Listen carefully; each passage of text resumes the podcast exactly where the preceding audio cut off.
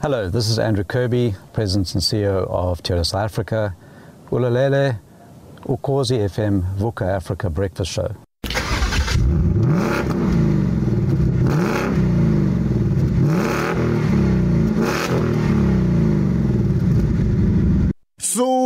Suka lento yaduma imoto. Vum. kwangathi neblue line wenzani wenzani? Uf- uf- ufike ke blue light lapha yangizwa yangizwa bafo hey bese bese ngiswele yona kodwa ngabe ngakhumbula ukuthi i- i blue light ayi- ayiyona akuyona into yokuyionisa kulezi. Kulezi insuku. cha cha cha. Akufanele. Asikere kahle kanje. Ilethwe kuwe ngeNational Lottery.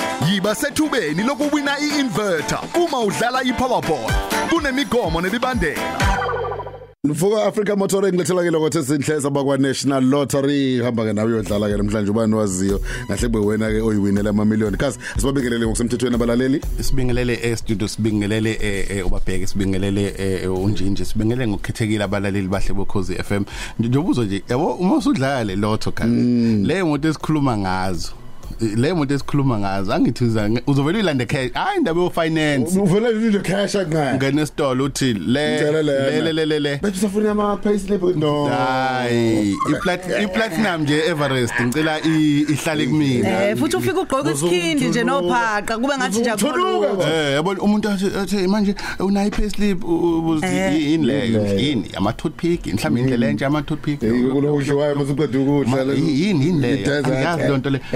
Eh. ngazi ucash ngalomzuzu uyigqokele nje ophaqa bakho ethi nje kancane isikhindi sakhe singatheni Ehhe, uyabo? ingane iyayidlalela uthi umuntu la. uyasondela lezi imoto kuthiwa "So- so- sorry sir. Sicela ungasondeli kanti wena ngala uzoyilala Kanti wena uzoyilana uthi excuse me ukhuluma ngemoto yami. Yona le. Uthi kuzokuba kube ngiphoqa ngithi ibuye imbathisa le yathi yakho ebomvu. Ngoba yabona ngishutha manje so inhlanhla zakho ka awuyisebenzisi ukuze ube nje. Njalo ke lokho esehleze baba National Lottery. Mfethu asiqaleni ngendaba yeimoto seyifuna imoto. Ayini imoto ayikho yinhle sibowa sikhulumeni iqiniso eh uma usuke wayibona isinama extras isifakwe lokho yangabe irim ngabe infotainment ngabe intontoni ngabe intontoni. Ngifuna ke sibheke ukuthenga kwami imoto eh lama extras ngiwashaya separate. Done. Ukuthi hayi soka phela safanele mase ngiyithengile ke ngiqale ngekhaya beyongibona. Angiyidle le mali sengiyohlala ngwakhokhela njalo inyanga nenyanga.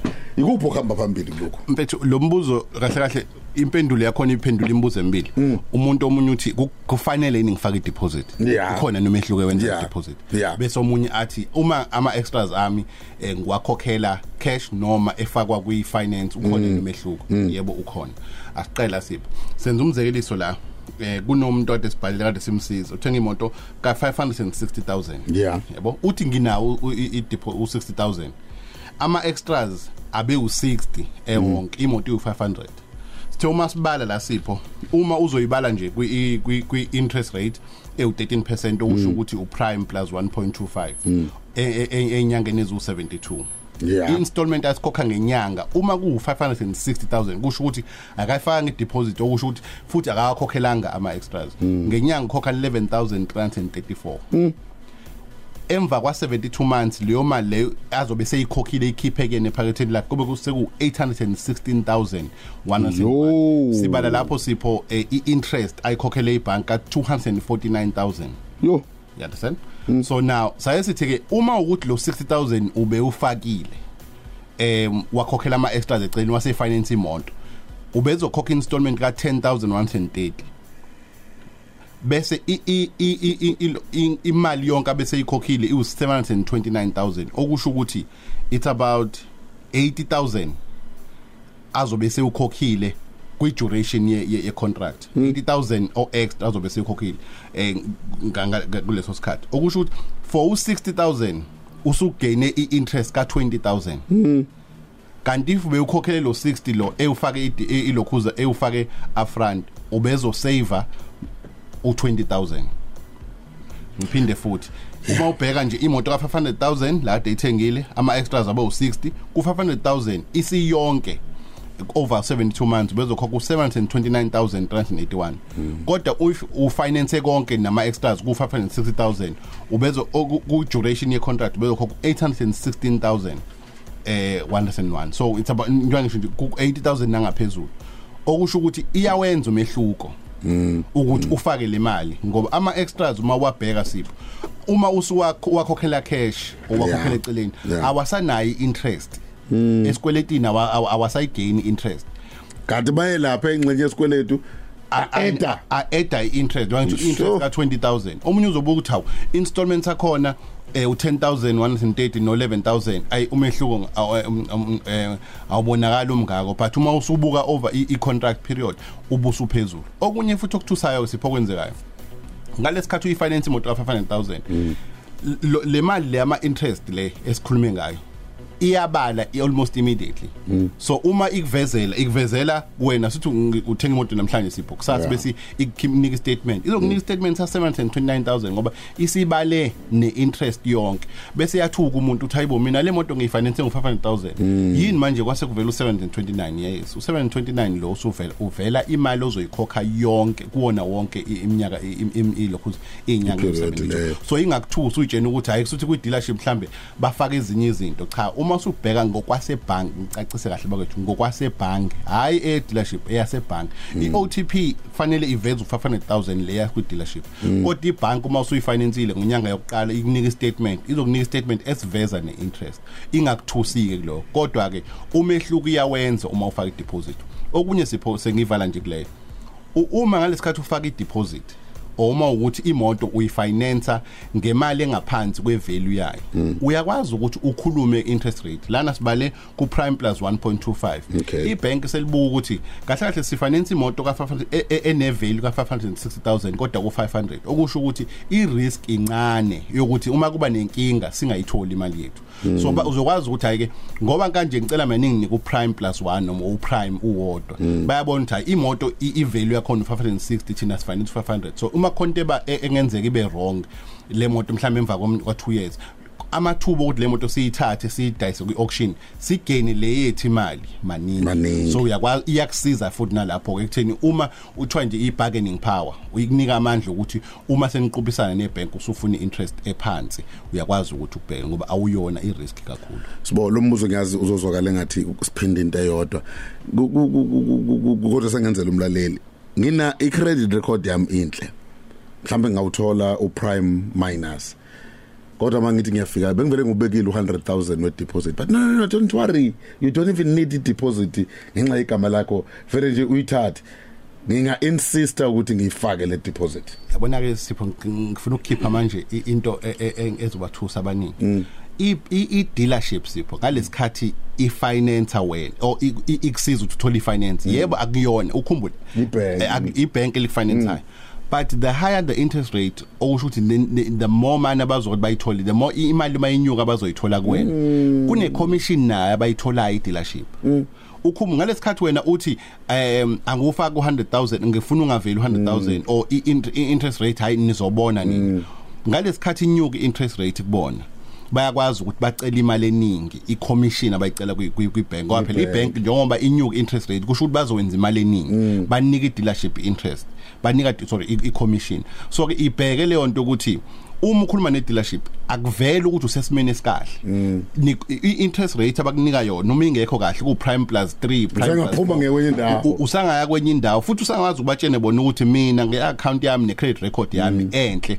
Angiyifuni into engap- engaphezulu kwa-prime plus 1 or engaphezulu kwa-prime. Angithole lokho. Uma ninganginiki lokho ngiyahamba ngiya kwenye indawo. So into efanele aba- abaleli bayinakisise ukuthi uma u- uni- u- u- u- ukhuluma ne-dealership ngoba i-dealership yona efaka i-application ebhank ukhumbule ukuthi the more imali inyuka abayif- abayifaka kwi-application no nemali ibhank elizoyi- elizoyithola elizoyizuza ngawe nawo bathola i-commission. So ungayitsheni ukuthi hayi cha nje u-salesman hayi ura- ne- Uright, unomusa. ura- unomusa nje. Uyangisi bheka into ngoba ukhumbule naye khona kuzuzayo ngalesikhathi wena ngasho ngingasho bheka ukuthi ulingana imali but ngalesikhathi nawe ukhokha imali ethanda ukubaxaxa ngokwe interest rate noma konke nama extras yonke into le ukhumbule ngalesikhathi efaka ifinance not only ukuthi uthola imali ngokuthi nama extras value uyayithola imali yakhona but ne dealership ithola i-commission. So ke engikuphendulayo siphe ngithi qhubeka usho ukuthi nansi into engifanele mina. Yebo ngiyitholile approval but ngicela ukuthola ukuthi i-interest rate i- i- i- engingayithola ingaba ngcono yini kunalokho uma ingeke ngcono ngizoya kwenye indawo kuyozo or ngizoyela mina ebhanki ngiyobuza ukuthi ngicela ninginike ilo- ilokho ngoba phela ibhanki ok- obhenka nalo liyakwazi. So uzokwazi ukuyena ukuthi hayi ng- kabani banginike uba eh Yini ningayenza yini kangcono? ningayenza ngcono? Thola bazokunika ngcono. Uma kwabona bekunika interest rate ongekho happy ngayo uyabatshela ebhanki ukuthi hayi kade ngangibhenka nani?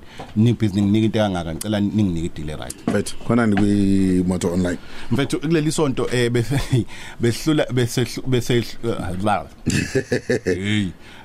Bese reviewer ilokhu zi Everest iphone Ayi. yabona uma uhamba ngefortune itoyota ubona umuntu uhamba ngeEverest azi ukuthi anisekho ezingeni elifanayo. Basha abantu baka Ford bathi Everest isingcono. So besi besilokhu le hamba um Ukhuza. Ukhuza. iyayishayela enza yonke into. Yeah. so ke ngisho nje uma u- uma uhamba ngefortune eh, uthi hayi ukhuzana ingcono ingcono ifortune yami ngineyakhe. Khohle ayikho lento esho so ke sibha uzoyithola ku website Hayi uzoyithola ku khozani. okunye ekhona ku website imoto ethuliwe iKia Picanto entsha. Eh uzoyithola ku website yethu eh iVW T-Cross entsha. Nayo uzokwazi ukuthi uthole ku website yethu ne BMW X1 M35 uma kuya website uzoyithola. Ukhumbule uma uya kwi eh, kwi kwi kwi- kwi Facebook eh imoto online noma usibonelo myeni uma uya ku Twitter imoto_online na Instagram imoto media. Wena uhamba ngefortune uma uthi nje i- i- i-Everest Land iplatinum ihambisana nawe. Khohlwa ba khohlwa khohlwa khohlwa. mina ngiye ngithi misibona esigqemeza uma ulandelwa imoto enzima. Hl- vele Hloniphe. Ihloniphe uqhele bese iyadlula yabo Uzothi ucheck khu- nje uzothi uyabo- khuba futhi. uthi nje eh, eh, uthi remira base uyabonjwa installment isiphezulu. Mos- u- uyabo ubuke nje imoto uthi ngidriver le or installment sale moto e- eza ngemuva. Sithe kuba phezudlwana bese uya- uyamdlulisa. Yes-give, Eh, bro. eh, lokho kuyalekelela ngoba ngelinye ilanga uyithola uhamba ngayo ngoba uqale wahlonipha emgwaqeni. Ngangitshela omunye umzala wami Hey, engasahleki brother, emgwaqeni. nilungile. Ngithi- ngithi asiqhele mfethu asiqhele. Asiqhele mfethu engasahleki. Bona kuma iza ke platinum nalama light akhona lawa. A- akhanya u- u- i- i-Everest. Lokho kuyifortune abantu ukuthi kuyazama. Kuthiwa hayibo sikhuluma ngo 3 waqhuma inyongo lokho. Amathini sokuqhumisa injini ngento engathi ishu ngefortune yakho suka eceleni idlule lento hawu wenzani manje? Asihloniphane emgwaqeni? Exactly. ngihloniphe fa- faka ngihloniphile nawe ngizokuhlonipha Abangisponsora ngayo premium rock abalethe. nazo awu nazo abalethe kulungile sibonga kakhulu ukusibona kanjani eh ikhona yonke information uyifakile kwimoto online. Bheka ama page akhona ubheke nane moto online TV ukwazi ukubona zonke lezi zinto lezi nayo yonke lemithetho sibekayo ne noma esesikhulume ngayo la kuyabhalwa kuphoswa lapha nakugcwale. Ngenxa yesikhathi eradweni so sokhuluma 5 minutes kodwa lapha imininingwane isuke ifakiwe iminingi go check.